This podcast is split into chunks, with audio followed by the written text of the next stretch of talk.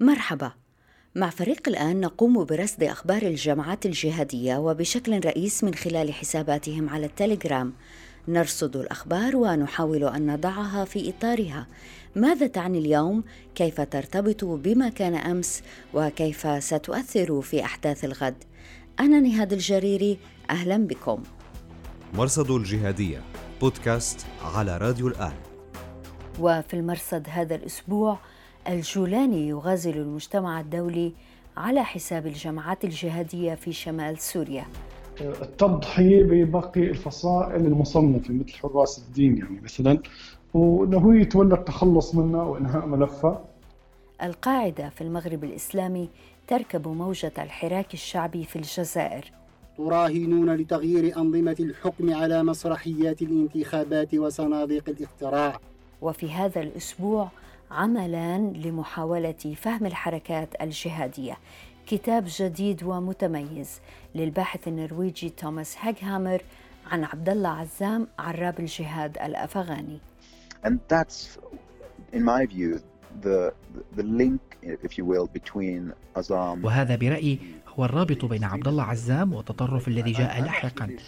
وبرنامج قناة العربية صناعة الموت في عامه الرابع عشر. طبعا لما بيحصل حادثة أحيانا الضحايا بيكونوا الناس اللي ماتت واضح. لكن أحيانا برضو الناس اللي, اللي ابنها اكتشفوا إن ابنهم هو اللي نفذ العمل بيكونوا ضحايا برضو. مرصد الجهادية حتى ساعة إعداد هذه الحلقة بات النظام السوري على مشارف دارة عزة على بعد 50 كيلومتر من إدلب باتجاه الشمال وعلى مشارف النيرب على بعد 14 كيلومتر فقط باتجاه الجنوب شرق. صحيفة إباء الأسبوعية التابعة لهيئة تحرير الشام وتحت عنوان أيام اختبار والفرج قريب قالت إن ما يحدث هو معركة ضد إرادة شعبية لخمسة مليون نسمة يرفضون عصابات الأسد. انتهى الاقتباس فيما تستمر قوافل نزوح السوريين باتجاه الحدود التركية. في المقابل معارضو هيئة تحرير الشام يتهمون الهيئة والفصائل الأخرى عامة بتسليم المناطق. علا الشريف نشرت على حسابها على التليجرام أن أوامر التسليم تصدر عن الجولاني شخصيا وفي منشور آخر أن جماعة فيلق الشام سلموا المقرات بالوثائق. ونشرت فيديو فيه عناصر من النظام السوري يقلبون أوراقا بأسماء منتسبي الفيلق في أحد المقرات التي استولوا عليها. وتداولت القنوات المعارضة لهيئة تحرير الشام مقطعا صوتيا لرجل يسخر من الجولاني ويطالبه بأن يعطيه معطفه الذي كان يلبسه في إحدى المقابلات. الفلت والبيج... الفلت حقه 110 دولارات. ما بدها نقاش. البيجامة حقها 70 دولار يعني 70 ألف. و110 دولارات 180 دولار. ثمن بيجامة وفلت. خلال الأسبوع الماضي ظهر الجولاني في أكثر من مقابلة مع صحفيين. كان آخرها مع مركز الأزمات الدولي الذي له مقرات في بلجيكا وأمريكا وبريطانيا. أبرز ما جاء في المقابلة أنه أجبر على مبايعة القاعدة أنه تعهد بعدم اتخاذ سوريا منصة لانطلاق عمليات خارجية أنه احتوى حراس الدين التابعين للقاعدة أن تعامله مع الحزب التركستاني المكون من مقاتلين إيغور تحكمه قواعد القتال في إدلب حصرا وأن لا علاقة له بما يواجهونه في الصين. في ردود الفعل اتفق أنصار داعش ومعارضو الهيئة على أن كلام الجولاني كان رسالة إلى المجتمع الدولي على أنه شريك في مكافحة الإرهاب وأنه منفتح على تفاهمات تذيب هيئة تحرير الشام. وفي ردود أخرى أكثر عنفا تداول أنصار داعش تسجيل صوتي يهدد الجماعات الجهادية في إدلب بالذبح. فهل سيصار إلى حل الهيئة؟ تحدثت إلى عباس شريف الباحث السوري عن هذه السيناريوهات. الجولاني عنده عدة سيناريوهات. السيناريو الأول أنه هو يفتح قناة حوار. وشفت حواره مع مجموعة الأزمات الأمريكية الأمريكية الغربية. إنه كان آه، يعني يظهر إنه هو ضد الإرهاب وضد الفصائل الإرهابية وإنه خطوته باتجاه القاعده كانت خطوة إكراهية ما مقتنع فيها وإنه مرجعته يعني كان هي عملية نوع من إعطاء رسائل اطمئنان وإذا تم رفع التصنيف والاعتراف فيه إنه هو يعني فصيل مش إرهابي حيكون يعني حيكون في شروط. من هالشروط ممكن يكون التضحية بباقي الفصائل المصنفة مثل حراس الدين يعني مثلا وإنه هو يتولى التخلص منها وإنهاء ملفها يعني الآن في يعني توقعات إنه هو قد يكون قدم معلومات حول اغتيال عدد من قادة القاعدة وحتى في قضية البغدادي ممكن يكون قد تعاون في هذه المسألة. طب أستاذ عباس والأنباء عن الدمج؟ هذا السيناريو رقم اثنين يعني في حال ما حسن يرفع التصنيف ويتجنب استهداف الدول اللي آه، يلجأ الخطه اللي هي الاتحاد مع هذول الفصائل المتطرفين ومواجهه الدول من خلالها. هلا محمد جولاني لا شك إنه هو واقع في أزمة حقيقية، لذلك كثر ظهور الاعلامي الآن. يمكن بهذا الشهر آه، كان له أربع ظهورات إعلامية متتالية، فهذا بدل على أنه يعيش حالة اختناق وهو بحاجة توصيل رسائل واللي راقب الكلمات كان توصيل الرسائل هو للداخل والخارج يعني وصل رسائل بكل الاتجاهات للجنود. انه إحنا موجودين الساعة 70% من الرباط بإيدينا. إحنا عم نضح يعني نقوم بأعباء المعركة بنسبة 75% آه، لا يوجد أي معتقلين للجيش الحر أو الجيش الوطني في معتقلاتنا. آه، لن نشكل خطر على العالم ولن آه، يعني نعمل أعمال خارج الحدود نحن ضد إنه نقاتل برات سوريا فكانت هذه هي الرسائل اللي بعث فيها عبد الحميد الجيلاني عباس شريف الباحث السوري شكرا جزيلا لك أستاذ عباس لوجودك معنا. حياكم الله. مرصد الجهادية. مؤسسة الأندلس للإنتاج الإعلامي التابعة للقاعدة في المغرب الإسلامي بثت مساء السبت 22 فبراير كلمة لأبي عبيدة يوسف العنابي رئيس مجلس الأعيان في التنظيم. الكلمة الصوتية المصاحبة لفيديوهات أرشيفية تأتي بمناسبة مرور عام على الحراك الشعبي في الجزائر الذي أطاح بحكم بوتفليقة العنابي دعا إلى نبذ الديمقراطية والانتخابات كطريق للتحرر واستشهد بكلام الشاعر العربي أحمد شوقي. وصدق شوقي رحمه الله حين قال وللحرية الحمراء باب بكل يد مدرجة يدق وتضمنت الكلمة مقطعا صوتيا لأسامة بن لادن وآخر أرشيفي مصور لخالد أبو العباس أو المختار بالمختار وورد في تعريفه القائد. وهنا نلاحظ غياب الظواهر عن هذا الحديث. مرصد الجهادية بودكاست على راديو الآن. في هذا الأسبوع صدر عن مطبعة جامعة كامبريدج كتاب القافلة عبد الله عزام وصعود الجهاد العالمي. The Caravan عبد الله عزام and the Rise of Global Jihad لتوماس هيكهامر الباحث الأول في مؤسسة أبحاث الدفاع النرويجية وأستاذ العلوم السياسية في جامعة أوسلو. بروفيسور هيكهامر شكرا جزيلا لوجودك معنا. لا يبارك فيك وشكرا لك.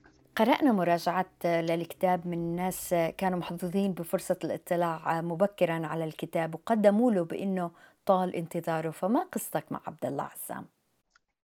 I have been working on militant Islamism for about 20 years. I started right before 9 11. And uh, anyone who's worked on uh, jihadism will have come across Azam early and that's أبحث في الإسلام المسلح منذ عشرين عاما. بدأت قبل أحداث الحادي عشر من سبتمبر بقليل. وأي شخص عمل على الجهادية لابد أنه سيقرأ عن عبد الله عزام في مراحل مبكرة. وهذا ما حدث لي. في عام 2001 تعرفت على موقع اسمه عزام دوت كوم. وكان هذا الشخص يظهر في كل مكان في البروباغندا التي كنت أدرسها وأصبح واضحا أنه شخصية محورية.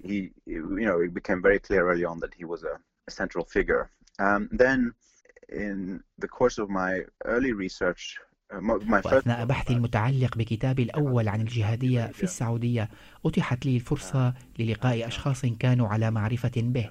بمن فيهم عائلته في عمان. وأدركت أن أمامي فرصة لبحث معمق في شخصية الرجل لأنه تكونت لدي مصادر لم يتم البحث فيها من قبل.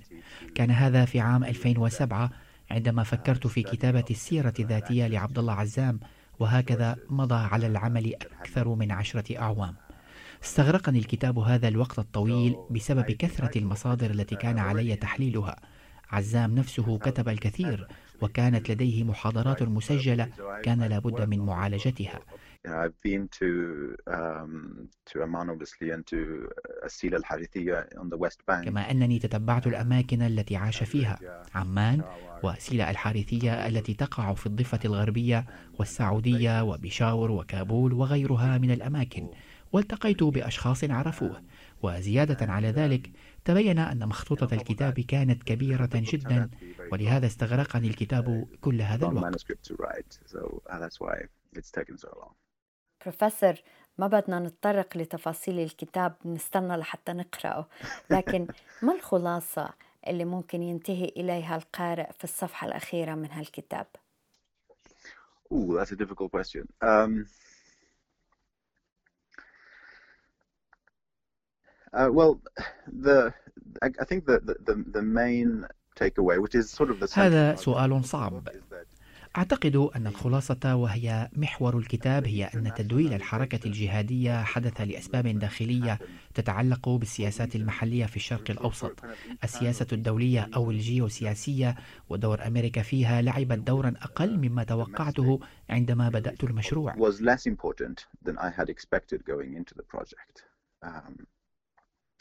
So, you know, uh, you know, listeners المستمعون لهذا البودكاست على دراية بالرواية العامة لبروز القاعدة وكيف تحولت الحركة الجهادية في التسعينات لتكون ضد أمريكا وبسبب أمور فعلتها أمريكا مثل إرسال قوات إلى السعودية إبان حرب الخليج في عام 1990 عبد الله عزام and, and the other Arab Afghans they were, they were very في الكتاب أوضح كيف أن عزام وغيره من الأفغان العرب كانوا معارضين لأمريكا قبل حرب الخليج بوقت طويل.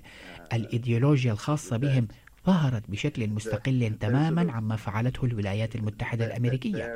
لهذا علينا أن ننظر إلى السياسة المحلية في الشرق الأوسط لنجد الإجابة عن سبب تحول الحركة الجهادية إلى العالمية.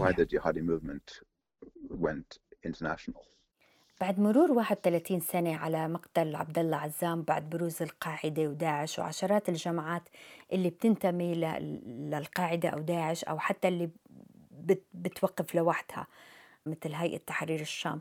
هل لازلنا بحاجة إلى العودة للأصل لعبد الله عزام؟ لأي درجة بيعطينا الكتاب تفسير للي بيصير اليوم؟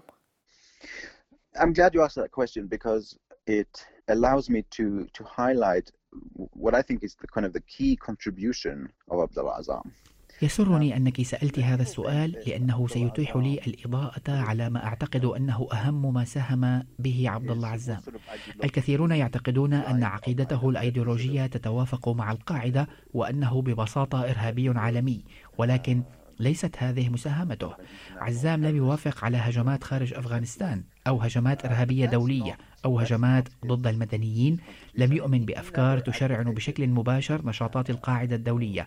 مساهمته كانت مختلفة. ما فعله هو أنه قلل من السلطة الدينية في المجتمعات المسلمة. What he said in the 1980s was that jihad in Afghanistan and in Palestine they are individual obligations. It's, it's فرض عين في الثمانينات قال إن الجهاد في فلسطين وأفغانستان كان فرض عين. وبالتالي لم يتعين على الشباب طاعة والديهم أو السلطة المحلية أو إمام الجامع إن قالوا أمرا مغايرا. وبهذا فتح بابا لا ينغلق لأنه متى وجهت شخصا بعدم الإصغاء إلى أحد فلن تتمكن من السيطرة عليه. حتى لو أنك أنت نفسك أتيت لاحقا لتقول لهم شيئا مختلفا ما استمعوا إليك لأنهم تعلموا ألا يصغوا إلى السلطة.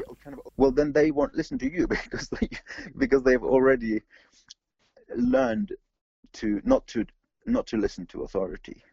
And that's in my view the the link if you will between Azam and the وهذا برأيي هو الرابط بين عبد الله عزام والتطرف الذي جاء لاحقا. لست متأكدا من أنه كان سيوافق على العنف والوحشية التي تقوم بها داعش. لكن العلاقة بين الاثنين هي أنه بشكل غير متعمد قلل من السلطة الدينية وساعد على إحداث حراك لا يمكن السيطرة عليه وتطرف هذا الحراك وتشرذم إلى تيارات مختلفة أصبح بعضها متطرفا جدا وكان هذا كله نتيجة إشكالية السلطة التي أحدثها. فعلا بروفيسور هاي الجماعات تحورت وصارت لها كيان خاص فيها. That's right, and and you see, you know, you know, in the in the in the West, there's sometimes a kind of this kind of complaint. هذا صحيح. البعض في الغرب خاصة اليمين السياسي يشكو من أن المسلمين عموما والسلطات الدينية المسلمة خصوصا لم تنأ بنفسها بما يكفي عن هذه الجماعات المسلحة ولكن هذا مخالف للمنطق. فليس ثمة عجز في استنكار هذه الأفعال المتطرفة عبر الشرق الأوسط كله. المشكلة هي وجود مجتمع من أشخاص لم يعودوا يصغون إلى السلطات أو العلماء منذ وقت طويل. فما يقوله العلماء لم يعد ذا أهمية لأنهم لن يصغوا. أصبح لهم مسارهم بهم وحتى نفهم هذا علينا أن نعود إلى الثمانينات. بروفيسور هاك هامر الباحث الأول في مؤسسة أبحاث الدفاع النرويجية وأستاذ العلوم السياسية في جامعة أوسلو وصاحب كتاب القافلة عبد الله عزام وصعود الجهاد العالمي. شكرا جزيلا لك على هالعمل وعلى كل أعمالك حقيقة اللي بتساعدنا على فهم هاي الجماعات. شكرا. شكرا. مرصد الجهادية. بودكاست على راديو الآن. وفي محاولة لفهم هذه الجماعات المتطرفة يبرز برنامج على الشاشات العربية يعد الوحيد من نوعه حقيقة المتخصص والمخصص لموضوع الإرهاب في وقت تشح فيه المعلومات من المصادر العربية برنامج صناعة الموت الذي يبث على شاشة العربية. الأستاذ علي بريشة هو الصحفي المسؤول عن إنتاج البرنامج منذ انطلاق الحلقة الأولى قبل 14 عام. شكرا جزيلا لك أستاذ علي لوجودك معنا. أي فندم سؤال أطرحه دائما بعد كل هالسنوات في العمل على هالموضوع. هل لا يزال شيء بيثير استغرابك بيثير اهتمامك؟ آه يثير الاهتمام طبعا حاجات ما كل ما يتعلق بهذا الملف يثير اهتمام الواحد بحكم العادة إن الإنسان بيتابع الملف باستمرار. آه، يثير الدهشة تقريبا ما بقاش في حاجة كتير تثير تثير الدهشة لأن تقريبا في هذا العالم وفي التغيير اللي بيحصل في بعض أنماط البشر بيكون تغيير سريع إزاي آه ما بقاش الواحد يقدر إن هو يستغرب من تحولات بتحصل عند بعض الأفراد ناحية التطرف آه في بعض الأحيان. آه يثير الاسى ما زال في حاجات في قصص مهما كان الواحد شاف آه كثير من المآسي ومخيمات وضحايا والضحايا مش بس ضحايا الإرهاب أحيانا بيكون أهالي الناس اللي تطرفوا بيكونوا ضحايا في لأنهم مش مصدقين. في كل الأحوال المآسي دي آه لا بتفضل دايما برضو بتلمس الواحد بيحس بيها وهو بيتعامل مع الناس. الحقيقة في معضلة دائما بالتعامل الإعلامي مع مسائل الإرهاب أستاذ علي وهي كيف إنه نوازن بين تقديم برنامج للجمهور وبين آه، مخاوفنا من تدوير أو إعادة بث رسائل هاي الجماعات. كيف بتحقق هالتوازن أستاذ علي؟ في الأساس بحاول قدر الإمكان إن أنا أتعامل بموضوعية. بموضوعية بمعنى طبعا آه، يعني مثلا الموضوعية مش إن أنا أجيب الرأي الآخر اللي هو رأي الإرهابي مثلا. لكن على الأقل حتى لما بستخدم مصطلحات بستخدمها بستخدمها بقدر من الموضوعية. مصطلح إرهابي هو مصطلح مطاط شوية. مش مش بالضرورة إن هو مصطلح الناس كلها بتتفق عليه. علشان كده غالبا أنا ما بستخدموش في الصياغة التحريرية للبرنامج. يعني ما بستخدموش مقدمات ما بستخدموش في الإنفو ستراب ما بستخدموش في على صوتي صوت صوت البرنامج. ممكن ضيف يستخدمه لكن أنا ما بستخدموش. أنا بستخدم ألفاظ أخرى ممكن تكون المتطرف أحيانا هو في النهاية التطرف هو تصرف. آه وهو مش أنا لما أستخدمه مش معنى كده إن أنا بقول بخلط ما بينه وبين الارهاب لأن الإرهاب هو مصطلح مطاط من يعتبره إرهابي قد لا يعتبره شخص آخر غير إرهابي مثلا. زي بالضبط قوات قسد في في في في, سوريا ممكن الأتراك بيعتبروها إرهابية وممكن ناس تانية بتعتبرها قوات مقاومة أو قوات ليها مشروع الأكراد ففي النهاية في دايما المصطلح ملتبس عند ناس كتير. وأحيانا بيتم استخدامه بطريقة سياسية تجارية ضد الآخر وخلاص. لكن أنا بحاول أستخدم ألفاظ أكثر تحديدا زي فكرة المتطرف أو المسلحين أو حاجات من هذا النوع. فالموضوعية هي حاجة بتخلي الواحد يهرب من آه، فكرة التصنيف دي. زائد إن أنا بحاول أبص على الموضوع بصورة بانورامية أكتر. الضحايا عندي طبعا لما بيحصل حادثة أحيانا الضحايا بيكونوا الناس اللي ماتت واضح. لكن أحيانا برضو الناس اللي, اللي ابنها اكتشفوا إن ابنهم هو اللي نفذ العمل بيكونوا ضحايا برضو. فكرة إن أنا أبص للصورة بشكل بانورامي ومن زوايا متعددة دي برضو بتخلي إن أنا أقدر أتواصل مع ناس أكتر ويبقى مساحة الثقة عندي عند ناس أوسع جمهور أوسع من المشاهدين. شو أصعب حلقة أنجزتها؟ آه حلقات كتير جدا جدا جدا. لكن ما أقدر أقول لك مثلا هقول لك مثال. آه في بداية البرنامج في بداية حلقات البرنامج أنا في في آه حلقة أنا كنت بصورها وأنا بعيط. وبنتجها وأنا بعيط. وكل مرة بشوفها بعيط. وفكرة إن أنا إن الواحد أثناء المونتاج يبكي بتبقى صعبة جدا لأن المفروض إن أنا شفت المشهد أكتر من مرة. هو كنا بنصور مع واحد كان في الأردن. كان بنته ماتت في تفجيرات عمان سنة 2005 اللي مات فيها المرحوم مصطفى العقاد. آه بنته كانت شابة آه جميلة جدا وكانت معاها ماجستير. والراجل كان بيتكلم عنها بمنتهى الفخر. والراجل كبير في السن لكنه بيتكلم هو بيبتسم بيبتسم وفي وسط ابتسامته في بحه صغيرة هي اللي بتكشف قد إيه هو متأثر.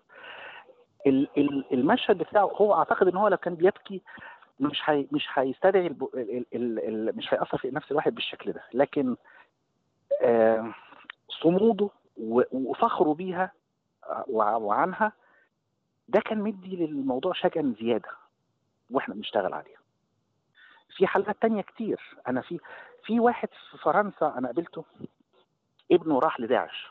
أنا قابلته سنة 2014 ابنه راح لداعش وابنه ده كان في كلية هندسة شاب عنده 18 سنة. آه اتجند في أقل من أربع أسابيع. بمنتهى فورا كده. إزاي؟ الراجل اولا الراجل كان مستواه المادي جيد جدا وابنه كان مستواه جيد جدا. صحى من النوم في يوم من الأيام لا ابنه سايب له ورقة بيقول له أنا سافرت معلش أنا سافرت لسوريا للجهاد وما تزعلش مني يا بابا. و أنا طبعا هو سافر بفلوسه هو الشخصية لكن فلوسه أثرت معاه 100 يورو. فقال له أنا اضطريت آخد منك 100 يورو معلش. خد في في مضرب التنس بتاعي والتيشيرت مش عارف إيه يا ريت تبيعهم وتاخد فلوسهم. فقد إيه الشاب اللي مسافر هو عنده إحساس بإن هو نبيل هو فاكر إن هو رايح يجاهد فعلا. ولدرجة إن هو خايف إن هو يكون الفلوس اللي خدها من, من والده ال 100 دولار الزيادة اللي خدها من والده إنها تكون فلوس حرام مثلا رايح بقى بيجاهد وفلوس حرام فيها. وأبوه مذهول. إيه ده؟ إيه اللي حصل؟ ابتدى راح بمنتهى البساطة ابتدى هكر اللابتوب بتاع بتاع ابنه عشان يشوف إيه اللي حصل إيه اللي ابنه حصل إيه. فلا شاف ال ال ال الكلام اللي كان داير ما بينه وما بين الشخص اللي كان بيجنده وشاف إزاي إن التجنيد تم في أقل من أربع أربع أسابيع كان الولد سافر.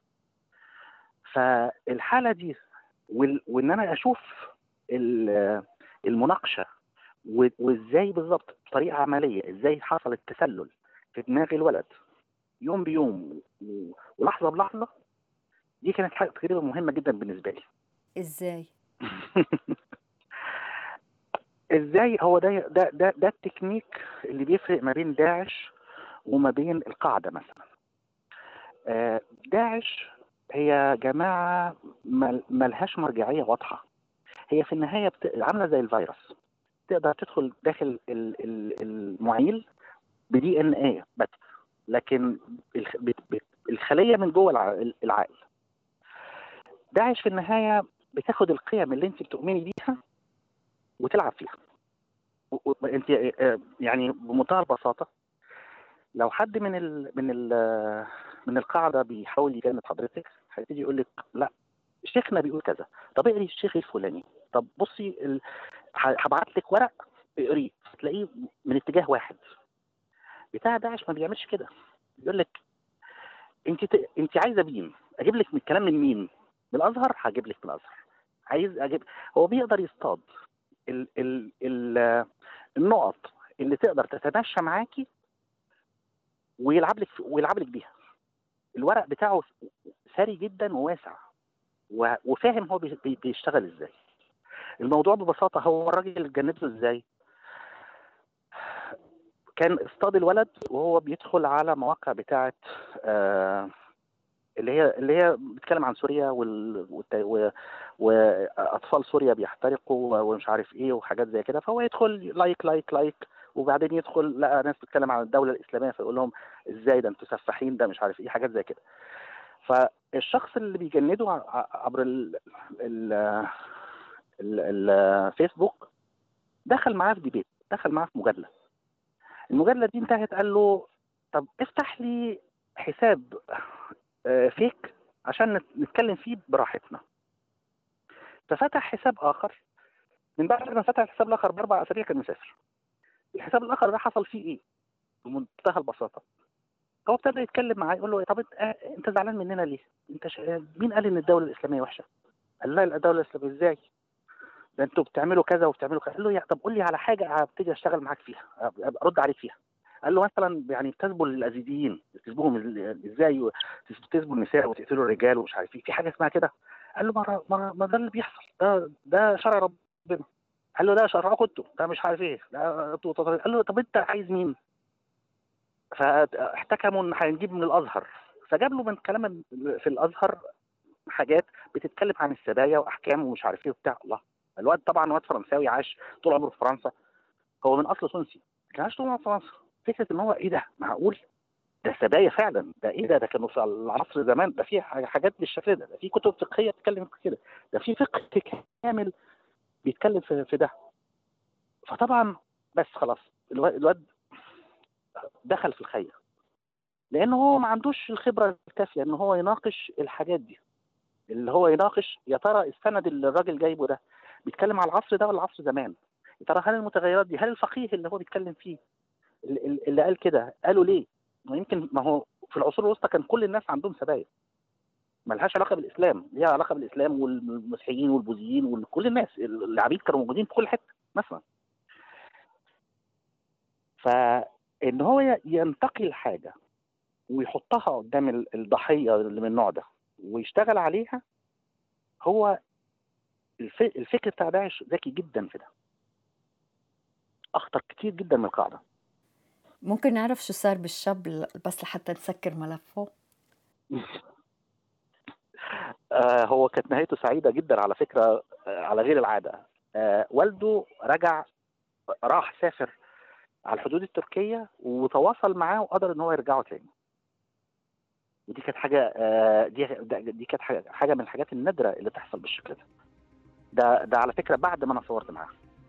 الأستاذ علي بريشة منتج برنامج صناعة الموت. شكرا جزيلا لوجودك معنا. بنقدر قديش صعب إنه الواحد يعمل مادة صحفية عن موضوع في كثير من الاضطراب والتداخل في المعاني بتضرب خطوط حمراء في صميم الإنسانية.